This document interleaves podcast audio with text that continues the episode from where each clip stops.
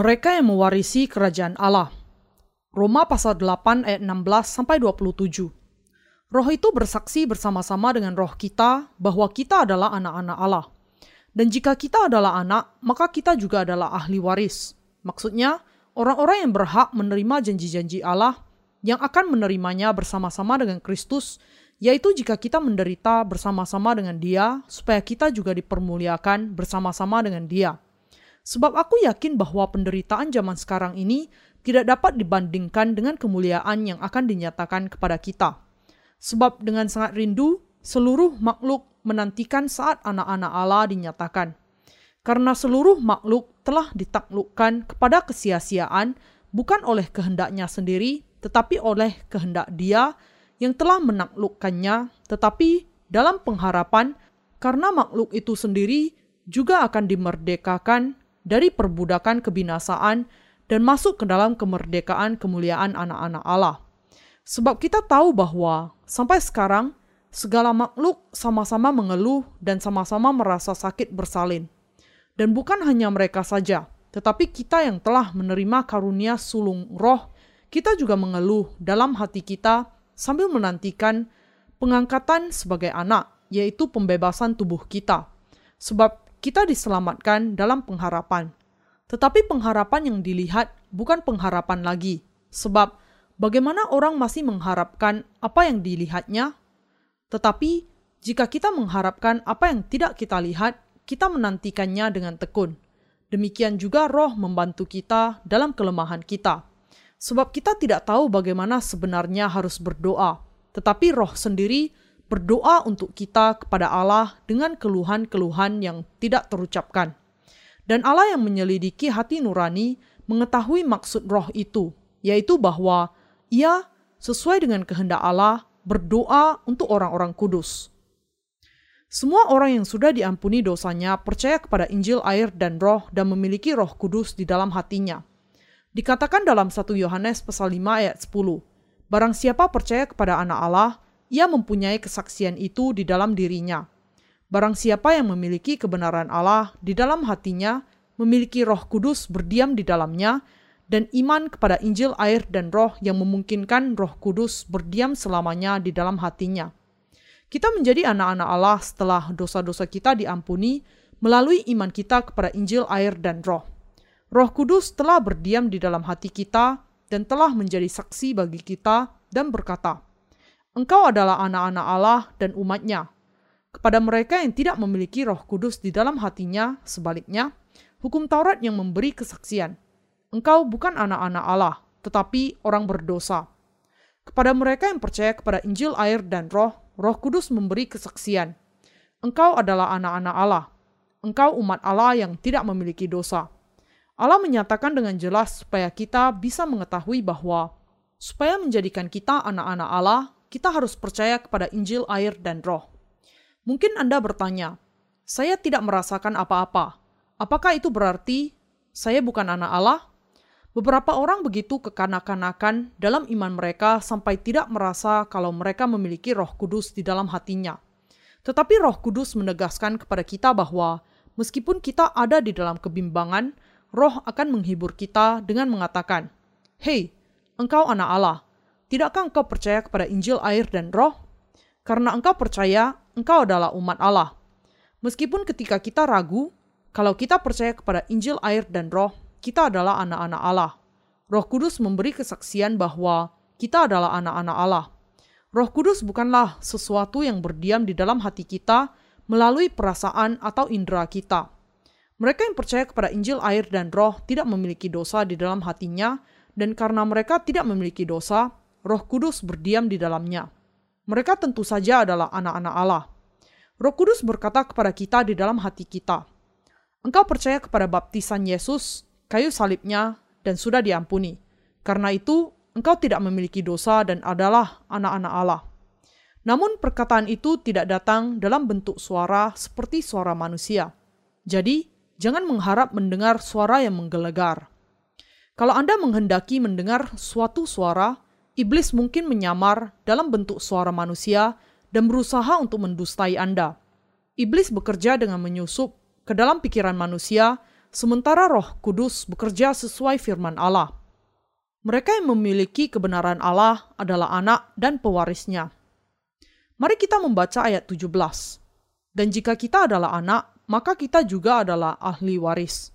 Maksudnya, orang-orang yang berhak menerima janji-janji Allah yang akan menerimanya bersama-sama dengan Kristus, yaitu jika kita menderita bersama-sama dengan Dia, supaya kita juga dipermuliakan bersama-sama dengan Dia.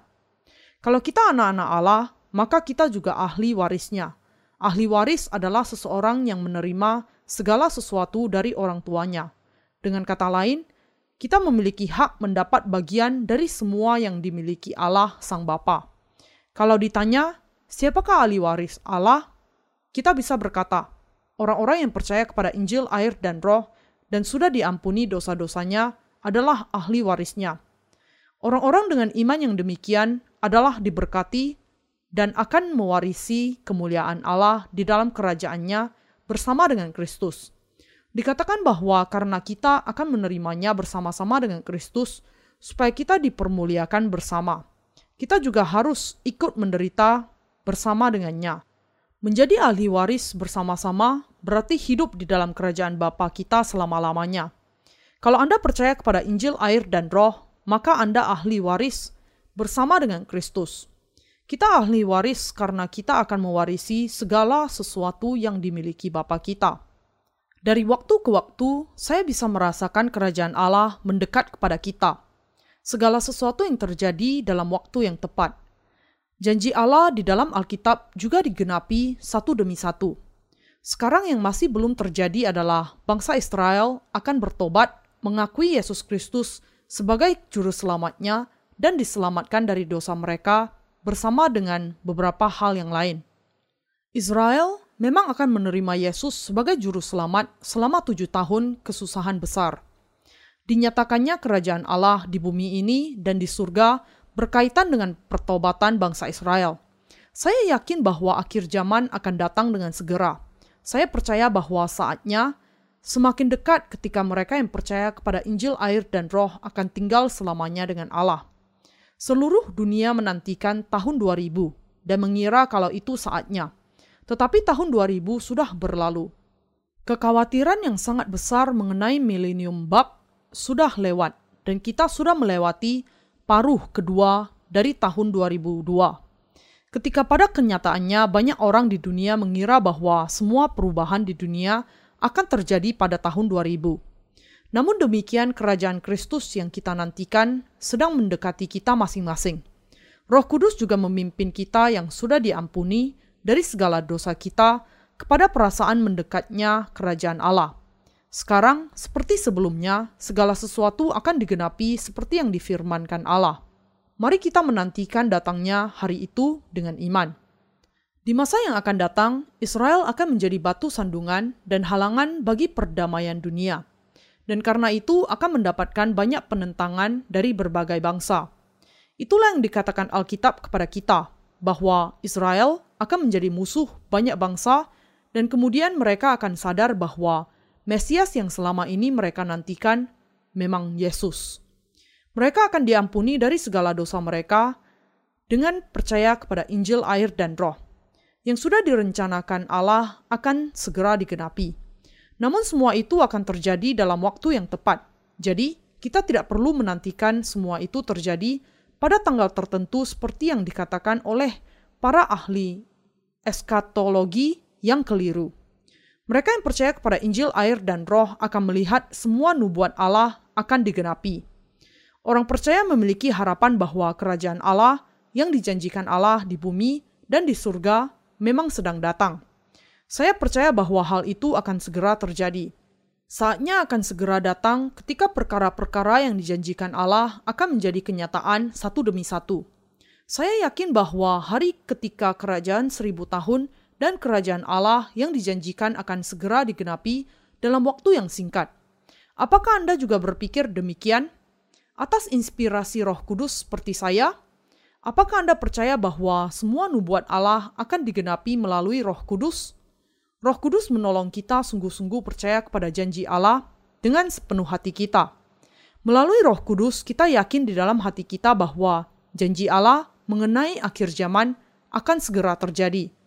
Kita percaya melalui Roh Kudus bahwa semua yang kita pikirkan dan harapkan akan menjadi kenyataan bersama dengan semua nubuat Allah. Inilah iman yang benar. Anda dan saya adalah ahli waris dari semua berkat Allah yang dijanjikan. Karena itu, kita perlu menantikan di dalam Roh Kudus. Kerajaan Allah akan segera datang. Israel akan segera percaya dan menerima Yesus Kristus sebagai Mesias mereka. Banyak orang menantikan Dia sekarang dan mengatakan, "Datanglah Tuhan Yesus." Paulus mengatakan bahwa karena Dia ahli waris Allah, penderitaan yang dialami sama sekali tidak ada bandingnya dengan kemuliaan yang akan segera diterimanya. Itu berarti bahwa untuk menerima kemuliaan bersama dengan Kristus, kita harus menderita bersama dengan Dia juga. Ini karena kita percaya dan menantikan datangnya kerajaan Allah. Untuk menerima kemuliaan bersama Kristus, kita juga harus menderita di dalam Dia. Pengharapan Paulus adalah supaya segala makhluk, termaksud binatang dan tumbuhan, lepas dari kematian. Itulah sebabnya semua makhluk menantikan dengan sangat rindu akan datangnya anak-anak Allah. Harapan bagi anak-anak Allah adalah bahwa harinya akan datang ketika semua makhluk bisa hidup selama-lamanya. Karena itu, kita harus menyadari bahwa kita, orang percaya, sudah diberkati dengan kehidupan kekal. Apakah kita melihat hari kedatangan Tuhan ketika kita masih hidup, atau Tuhan membangunkan kita dari tidur kita untuk mengangkat kita? Kita harus menantikan Dia. Apakah kemuliaan Allah yang akan dinyatakan itu sungguh-sungguh hebat? Kemuliaan yang akan dinyatakan kepada orang benar itu adalah kemuliaan kekal, mewarisi kerajaan kekal dan hidup selamanya di dalam kemuliaan Allah. Tidak akan ada lagi kematian, duka, atau tangisan. Tidak akan ada lagi sakit di dalam kerajaan itu, dan kerajaan itu tidak membutuhkan bulan atau matahari untuk menyinari, karena kemuliaan Allah yang menyinarinya. Anak domba itulah terangnya itu adalah tempat di mana hanya ada Yesus dan orang-orang yang dilahirkan kembali, orang percaya yang tidak berdosa, dan penuh dengan kemuliaan Allah. Kerajaan itu akan dipenuhi dengan cahaya keemasan. Kemuliaan kerajaan di mana kita akan hidup selamanya itu begitu hebat sampai tidak ada kata-kata yang bisa menjelaskannya. Karena kemuliaan yang kita harapkan itu begitu hebat, Paulus mengatakan bahwa penderitaan kita sekarang tidak ada apa-apanya dibandingkan dengan kemuliaan yang akan dinyatakan kepada kita.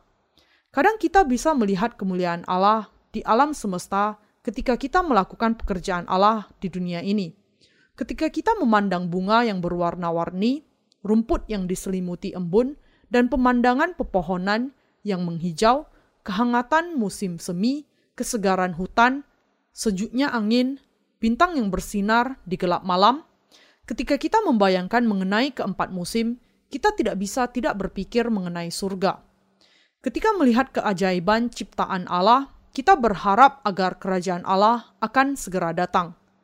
Ketika kerajaan Allah datang, tidak akan ada lagi maut, dan kita akan hidup penuh kemuliaan. Tidak ada kekurangan apa-apa, sehingga kita akan hidup berlimpah dan makmur. Hanya berpikir bahwa saya akan hidup penuh kemuliaan di tempat di mana segala sesuatunya sempurna saja, sudah membuat hati saya penuh dengan kemuliaan Allah. Kenyataan bahwa semua itu akan menjadi milik kita, orang-orang percaya, itu seperti mimpi dan membuat kita bersyukur sekali lagi bahwa kita sudah dilahirkan kembali. Saya bersyukur kepada Tuhan yang sudah memenuhi hati saya dengan pengharapan ini sampai penuh. Sekarang ini kita hanya bisa berharap akan surga dengan imajinasi kita tetapi kita tahu bahwa kelak semua janji Allah akan menjadi kenyataan. Pengharapan kita menjadi lebih kuat dan perasaan kita akan mendekatnya kemuliaan Allah menjadi semakin kuat hari demi hari. Inilah sebabnya mengapa orang percaya berharap akan masa depan. Iman di dalam Allah dan harapan akan masa depan adalah kemuliaan dan iman dari mereka yang akan mewarisi kerajaan Allah. Apakah iman yang mulia ini kemudian adalah berkat yang hanya diberikan kepada orang-orang yang percaya kepada Injil air dan roh? Jawabannya tegas sekali, ya. Hanya waktu yang harus dijalani sebelum kemuliaan Allah diberikan kepada orang benar, kepada mereka yang percaya kepada Injil, air, dan Roh. Dalam waktunya, janji Allah atas segala kemuliaannya akan menjadi nyata bagi kita. Semua hal yang mulia ini akan sungguh-sungguh terjadi kepada semua orang percaya. Kemuliaan yang menanti kita adalah kemuliaan yang sangat indah dan luar biasa. Anda dan saya yang memiliki iman yang sama kepada Injil, air, dan Roh adalah orang-orang yang akan masuk ke dalam kerajaan Allah yang mulia. Dunia yang membingungkan dan jahat sering menggelapkan hati kita dan kita bisa menjadi putus asa dan bingung. Tetapi mereka yang sudah dilahirkan kembali bisa mengatasi semua kesulitan itu dengan percaya bahwa mereka sudah menjadi ahli waris Allah. Bahkan meskipun mungkin ada segala macam masalah di dalam hati orang percaya yang tidak berdosa, mereka akan bisa menemukan kekuatan dan hidup dengan mengingatkan diri kepada janji Allah. Saya bersyukur bahwa Roh Kudus tetap ada di dalam hati kita, menghibur kita dan bersaksi kepada roh kita bahwa kita adalah anak-anak Allah. Mereka yang baru saja ditebus dari dosa-dosanya juga harus memandang kepada kemuliaan surga dan hidup dalam pengharapan. Kita semua sejajar sebagai umat Allah. Kalau Anda menjalani kehidupan iman di dalam gereja cukup lama, anda bisa melihat Roh Kudus di dalam hati Anda bersuka cita atas kekayaan dari warisan mulia milik Anda. Bahkan hati orang benar juga mengeluh di bumi ini.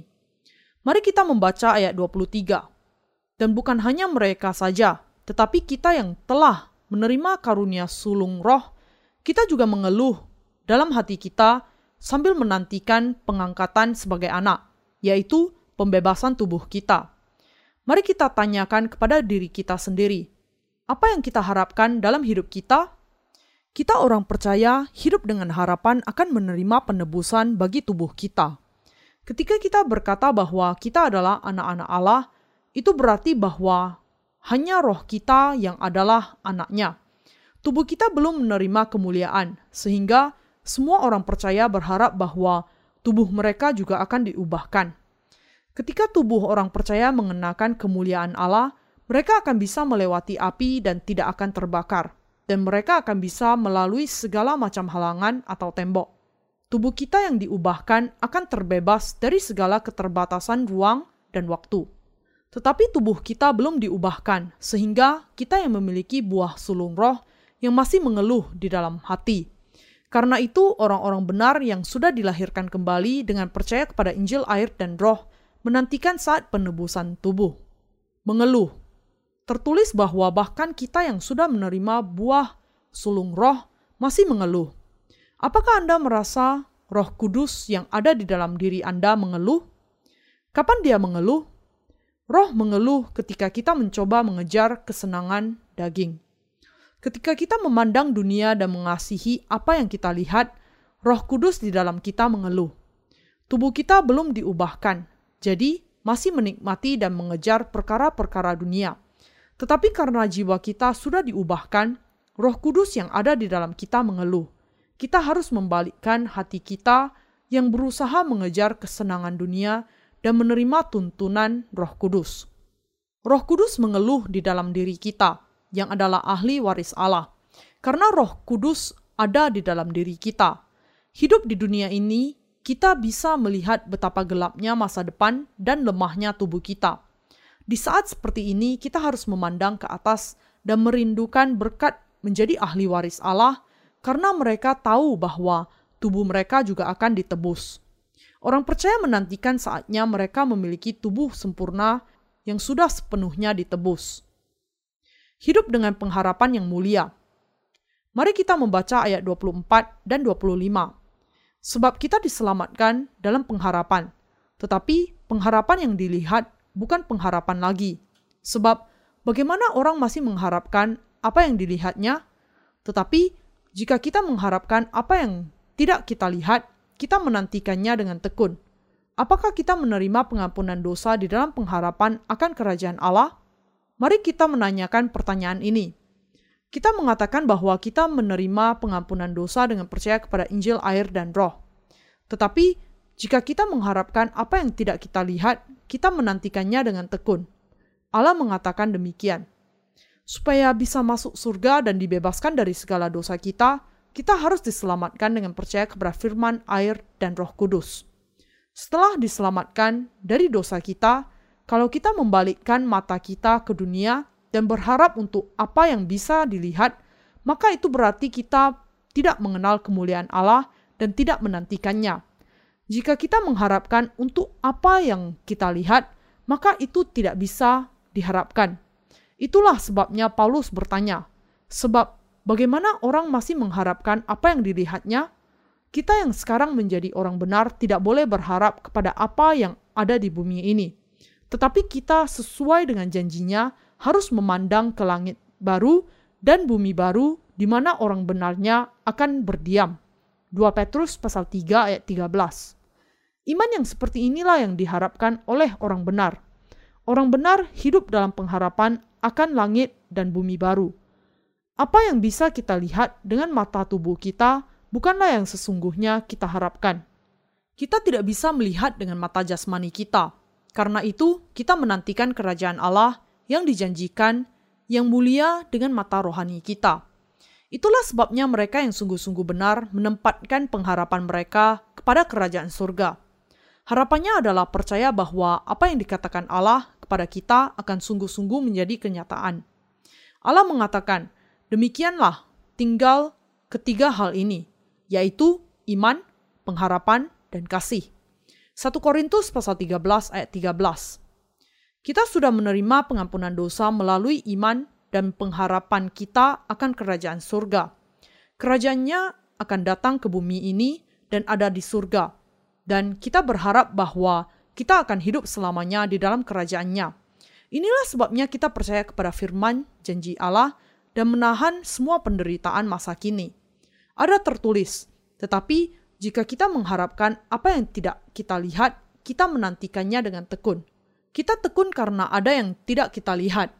Kita menantikan janji Allah yang tidak bisa kita lihat secara fisik. Janji Allah akan menjadi kenyataan kepada orang percaya karena dikatakan bahwa kemuliaan Allah akan dengan segera dinyatakan dan kita percaya kepada janji ini. Karena kita percaya bahwa Tuhan kita yang akan datang kembali ke bumi ini, kita bisa menahan penderitaan sekarang ini. Kerajaan Allah akan tanpa ragu datang ke bumi ini. Ketika Injil disebarkan ke segala bangsa, kerajaan Allah pasti akan datang. Orang benar menantikan hari itu dengan sabar. Tuhan kita akan datang ketika kita menantikannya. Ini adalah kebenaran yang Anda dan saya hidupi di zaman ini. Ada seorang rekan kerja wanita dari Ukraina yang menerjemahkan buku kami ke dalam bahasa Ukraina. Ia melihat apa yang terjadi dengan gedung World Trade Center yang runtuh karena serangan teroris dan mengatakan bahwa ia merasa bingung serta takut. Ia bertanya, apakah ini tanda datangnya masa kuda putih di dalam kitab Wahyu dan bertanya apakah ada buku yang berhubungan dengan bagian ini di kitab suci? Kita tidak bisa mengatakan dengan pasti bahwa peristiwa itu adalah tanda dari masa kuda putih, tetapi kita tidak bisa menyangkal bahwa itu memang berhubungan. Kalau hal seperti ini sering kali terjadi, maka akan ada perperangan dan bangsa akan melawan bangsa. Ketika dunia terlibat peperangan, dunia akan menderita kelaparan dan masa kuda putih akan segera menjadi kenyataan. Jadi, ketika saya melihat peristiwa yang menandakan kehancuran dunia, saya memperbaharui kehendak saya bahwa saya akan memberitakan Injil ke ujung dunia. Benar sekali bahwa kita kehilangan harapan akan dunia ini dan bahwa hati kita mengeluh ketika tragedi menyerang kita. Namun sepanjang hidup kita, kita harus menantikan kerajaan Allah yang tidak bisa kita lihat dengan mata fisik kita, tetapi hanya dengan mata rohani kita. Karena kita percaya kepada Injil, air, dan roh, kita mengharapkan kerajaan surga dan menantikan dengan tekun. Karena kita percaya bahwa kerajaan Allah itu semakin dekat kepada kita, kita bisa menahan semua kesulitan. Ini bisa terjadi karena Roh Kudus berdiam di dalam hati kita. Apakah Anda menderita? Tahan dengan baik dan bersabarlah. Bukan hanya Anda yang menderita, tetapi kita semua juga. Kita akan mendapatkan pengharapan bahwa ketika semuanya berlalu, semua akan menjadi baik lagi. Apakah Anda tahu bahwa Anda tidak bisa mengembangkan pengharapan rohani kalau Anda tidak mengalami kesulitan jasmani? Ketika tubuh menjadi terlalu nyaman, kita tidak memandang Allah dan mencari berkat darinya. Kita kemudian justru menjauh dari Allah. Kita yang sudah dilahirkan kembali harus memiliki pengharapan akan kemuliaan yang akan datang dan menahan semua kesulitan sekarang ini. Allah mengatakan bahwa mereka yang menahan kesulitan dengan tekun bagi Tuhan akan diberkati. Hari ketika kerajaan Allah datang ke bumi akan segera tiba dan kita akan masuk kerajaannya. Kita harus menahan, bersabar, dan tidak kehilangan harapan akan hari itu. Kita harus tahan dan menunggu hari itu. Tidak peduli bagaimana menyedihkan dan susahnya sekarang ini, kita harus menantikan dengan tekun sampai kerajaan Allah datang sebagai langit dan bumi baru. Roh Kudus menolong mereka yang memiliki kebenaran Allah. Mari kita membaca ayat 26. Demikian juga Roh membantu kita dalam kelemahan kita sebab kita tidak tahu bagaimana sebenarnya harus berdoa. Tetapi Roh sendiri berdoa untuk kita kepada Allah dengan keluhan-keluhan yang tidak terucapkan. Apakah Roh Kudus berdoa untuk kita? Ya, benar. Roh Kudus tahu kelemahan kita dan berdoa untuk kita. Saya berbicara sedikit mengenai keluhan Roh Kudus. Saya mengulangi lagi. Roh Kudus mengeluh ketika kita menuju ke arah yang Allah tidak kehendaki.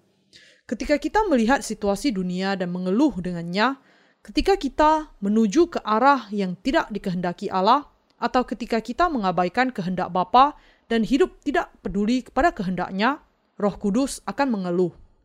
Ketika Roh Kudus berdiam di dalam orang percaya yang dilahirkan kembali mengeluh, apa yang tidak terucapkan, kita kehilangan energi di dalam hati kita dan menjadi lemah. Itulah saat Roh Kudus membuat kita berdoa. Roh Kudus kadang menaikkan doa syafaat untuk kita untuk membuat kita sadar akan kenyataan bahwa kita perlu berdoa. Roh Kudus mengeluh di dalam hati kita dan membuat kita berdoa di hadapan Bapa sesuai dengan kehendaknya. Tuhan Allah, Engkau sudah menghapus dosa kami melalui baptisanmu dan darahmu di kayu salib. Dan melalui hal ini kami menjadi anak-anakmu. Kami memohon agar kedatanganmu yang kedua akan segera terjadi di bumi. Kami berdoa agar kehendakmu segera terjadi. Kita berdoa seperti ini. Kita meminta iman rohani. Allah, kami miskin dan kekurangan dalam pandanganmu. Karena itu, berikan kepada kami iman yang dibutuhkan supaya kehendakmu nyata. Allah kemudian menolong kita karena ia tahu kelemahan kita. Roh Kudus tidak meninggalkan kita sendiri, tetapi membuat kita berdoa sesuai dengan kehendak Allah dan berdoa bagi kita juga, menguatkan hati kita. Roh Kudus membuat kita berdoa sesuai dengan kehendak Allah, dan ketika kita meminta tolong, Ia membuat kita mengerti apa kehendak Allah di dalam kita dan memberi kekuatan baru kepada kita. Sebab kita tidak tahu bagaimana sebenarnya harus berdoa, tetapi Roh sendiri berdoa untuk kita kepada Allah dengan keluhan-keluhan yang tidak terucapkan. Apakah Anda merasakan hal ini? Ketika Anda berpikir dan bertindak berbeda dengan apa yang dikehendaki Allah untuk kita lakukan, apakah Anda merasakan Roh Kudus berkata kepada kita, orang-orang benar bahwa ada yang salah? Roh Kudus berkata, "Hei, engkau salah." Dan hati kita mulai mengeluh. Apakah Anda tahu bahwa ini adalah Roh Kudus yang mengeluh? Mungkin Anda pernah mengalami bahwa ketika orang benar bersuka cita. Itu karena roh kudus yang bersuka cita di dalamnya. Kemudian, Anda akan tahu juga bahwa ketika hati Anda mengeluh, roh kuduslah yang mengeluh. Ketika kita lemah dan bertindak salah, roh kudus mengeluh dan menaikkan syafaat bagi kita. Dan Allah Bapa kita memberi kita kekuatan. Roh Kudus telah membuat kita berdoa untuk segala sesuatu, memberi kita kekuatan rohani, Inilah sebabnya mereka yang memiliki Roh Kudus di dalam hatinya merasa sangat berbahagia. Roh Kudus memberikan kita kekuatan melalui firman Allah. Dengan kata lain, Roh Kudus bekerja dengan firman-Nya di dalam hati kita untuk memberikan kekuatan baru kepada kita. Roh Kudus tidak berkehendak berbicara melalui cara lain. Ia memberikan kekuatan kepada kita melalui kitab suci, gereja Allah, dan persekutuan kita dengan saudara dan saudari kita. Inilah sebabnya mengapa gereja Allah sangat penting dan mengapa gereja memiliki peranan yang sangat penting di dalam karya Roh Kudus. Di dalam gerejalah ada orang percaya, persekutuan, pujian, dan beritanya. Tidak peduli siapa pengkhotbahnya, Roh Kudus hadir dan bekerja di dalam mereka sehingga mereka bisa menyampaikan berita yang semestinya yang dibutuhkan pada waktu yang tepat. Roh Kudus bekerja di antara orang-orang yang menyampaikan berita dan juga menerimanya, membangunkan pikiran mereka dan memberikan kepada masing-masing berkat yang mereka butuhkan. Roh Kudus melakukan hal ini di dalam gereja Allah di mana orang-orang benar berkumpul. Itulah sebabnya gereja sangat penting bagi orang percaya. Ketika orang percaya menjalani masa yang sulit dan tidak bisa membaginya dengan orang lain, hamba Allah masih akan bisa melihatnya melalui Roh Kudus. Kalau orang-orang percaya di dalam perkumpulan gereja Allah, Roh Kudus dapat menyentuh dan menghibur hati mereka Roh Kudus akan menolong mereka berpegang kepada kitab suci dan memberikan kepada mereka kekuatan untuk bisa pulih kembali. Ketika menghidupi hidup kita dengan iman, kita percaya kepada Injil, air, dan Roh, menerima pengampunan dosa, menjadi anak-anak Allah, dan sebagai bukti kita menerima Roh Kudus sebagai anugerah. Lalu Allah memberikan kepada kita gerejanya. Setelah memberikan gerejanya, Allah berbicara kepada hamba-hambanya melalui gereja dan membuat hambanya itu mewartakan pesannya. Ia menyembuhkan sakit kita dengan kitab suci, memberikan kekuatan kepada mereka yang lemah, memberkati mereka yang miskin di dalam hati, dan memberikan kemampuan kepada mereka untuk menjalankan pekerjaannya. Ia melakukan kehendaknya melalui kita. Karena itu orang percaya tidak boleh memutuskan hubungan mereka dengan gereja. Orang percaya tidak boleh memutuskan interaksi mereka dengan orang benar lainnya atau dari pertumbuhan mereka di dalam kitab suci Allah. Kebenaran yang mutlak hanya ditemukan di dalam gereja Allah. Karena itu, orang percaya perlu saling dipersatukan di dalam gereja. Iman tanpa kesatuan adalah iman yang palsu. Apakah Anda percaya bahwa Roh Kudus bersemayam di dalam hati Anda? Ketika kita dipersatukan dengan gereja Allah, seperti yang dikatakan kitab suci dan yang dikatakan gereja dalam beritanya, Roh Kudus akan menolong kita dan membuka mata kita kepada kebenaran, memberikan berkat-berkat kepada kita. Jadi, menjadi satulah dengan gereja dengan iman yang seperti ini. Saat itulah Roh Kudus bersuka cita. Kita bisa hidup sampai saat ini karena pertolongan Roh Kudus. Kita juga akan hidup dengan pertolongannya di masa yang akan datang. Itulah sebabnya Roh Kudus menjadi sangat penting untuk kita, yang harus menerima pengampunan dari segala dosa-dosa kita kita harus tahu dan percaya bahwa Roh Kudus memang ada. Kita harus tahu bahwa kita harus hidup oleh Roh Kudus dan menerima bimbingannya di dalam hati kita. Mereka yang memiliki Roh Kudus di dalam hatinya harus mengikuti kehendaknya. Kalau Anda adalah orang benar, maka Roh Kudus berdiam di dalam kehidupan Anda, dan dengan demikian Anda harus mengikuti hukum kehidupan seperti yang dituntun oleh Roh Kudus. Mari kita membaca ayat 27. Dan Allah yang menyelidiki hati nurani mengetahui maksud roh itu, yaitu bahwa ia sesuai dengan kehendak Allah berdoa untuk orang-orang kudus. Allah Bapa kita mengerti maksud roh yang berdiam di dalam kita. Roh Kudus mengetahui segala sesuatu di dalam pikiran kita. Karena itu, Allah Sang Bapa mengerti segala sesuatu yang ada di dalam pikiran kita. Dikatakan, ia roh kudus akan menaikkan syafaat bagi orang-orang kudus sesuai dengan kehendak Allah. Ini berarti bahwa Bapa kita mengerti apa yang ada di dalam pikiran Roh Kudus, dan Roh Kudus berdoa sesuai yang dikehendaki Bapa kita. Orang percaya dengan demikian seharusnya hidup sesuai kehendak Allah. Itulah sebabnya mereka yang diampuni segala dosanya menemukan manfaat dari kehidupan iman mereka melalui Roh Kudus. Pikiran orang benar dipimpin oleh penyadaran dari Roh Kudus. Masalah muncul di dalam gereja ketika mereka yang tidak memiliki Roh Kudus di dalam hatinya kemudian ada di dalam gereja Allah. Mereka yang tidak percaya kepada Injil, air, dan Roh tidak memiliki Roh Kudus di dalam kehidupannya, dan karena itu mereka tidak bisa berkomunikasi dengan orang percaya yang sesungguhnya yang memang memiliki Roh Kudus. Mereka membawa berbagai masalah ke dalam gereja. Sebaliknya, ketika mereka yang memiliki Roh Kudus mendengar khotbah yang disampaikan hamba Allah yang penuh dengan Roh Kudus, hati mereka menjadi damai karena mereka bisa mengerti apa yang dikehendaki untuk dikatakan kepada mereka dari Allah melalui hamba-hambanya. Semua orang yang sudah diampuni dari dosa-dosanya pasti memiliki Roh Kudus, berdiam di dalam kehidupan mereka. Kita memiliki Roh Kudus di dalam kita dan hidup sesuai dengan kehendak Allah dan dengan bimbingan dari Roh Kudus. Roh Kudus menuntun kita dengan cara ini. Kadangkala melalui gereja, kadangkala melalui persekutuan dengan sesama orang percaya, di lain waktu melalui firman Allah langsung. Ia menjadikan kita menemukan kehendak Allah membuat kita mengikuti jalan kebenarannya. Roh Kudus memberikan kekuatan yang baru untuk hidup di sisi Allah sampai kita mencapai kerajaannya. Anda dan saya karena itu harus menyadari betapa pentingnya Roh Kudus dalam kehidupan iman kita. Ketika kita percaya kepada Injil, air, dan Roh, kita menerima Roh Kudus sebagai anugerah, seperti yang dikatakan di dalam Kitab Suci. Bertobatlah dan hendaklah kamu masing-masing memberi dirimu dibaptis dalam nama Yesus Kristus untuk pengampunan dosamu, maka kamu akan menerima karunia Roh Kudus. Kisah para Rasul pasal 2 ayat 38. Allah memberikan Roh Kudus kepada kita sebagai anugerah sehingga Ia bisa membimbing kita sesuai dengan kehendaknya. Inilah kehendak Allah, Sang Bapa kita.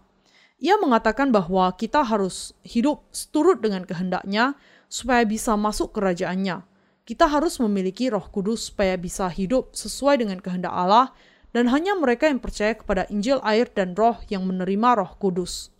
Kita kemudian harus percaya kepada Injil, air, dan Roh supaya kita bisa menerima Roh Kudus sebagai anugerah dan hidup sesuai dengan kehendak Allah dan masuk ke dalam kerajaannya.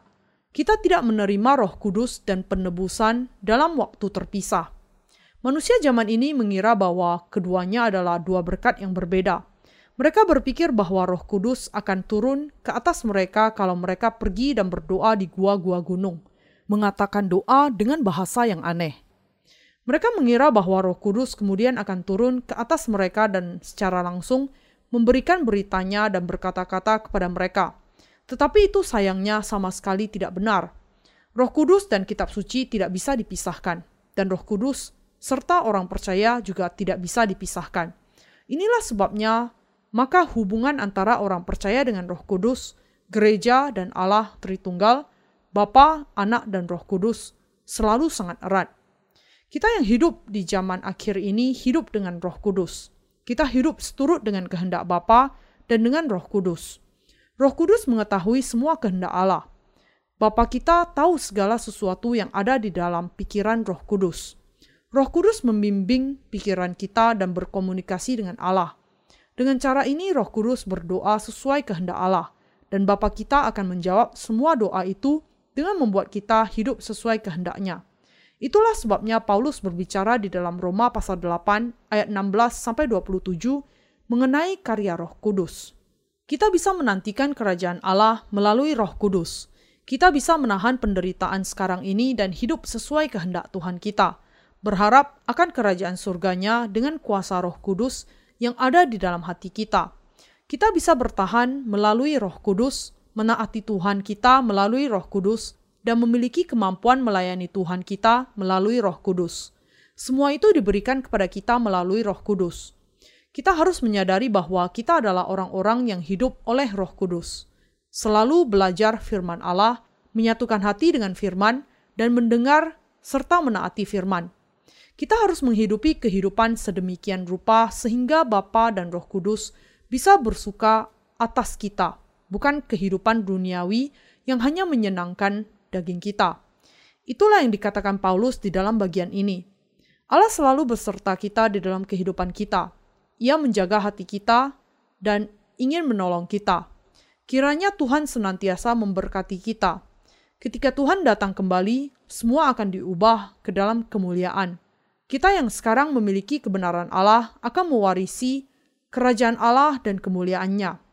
Siapa saja yang ingin mewarisi kerajaan Allah harus mendengarkan secara hati-hati serta percaya kepada Injil, air, dan roh.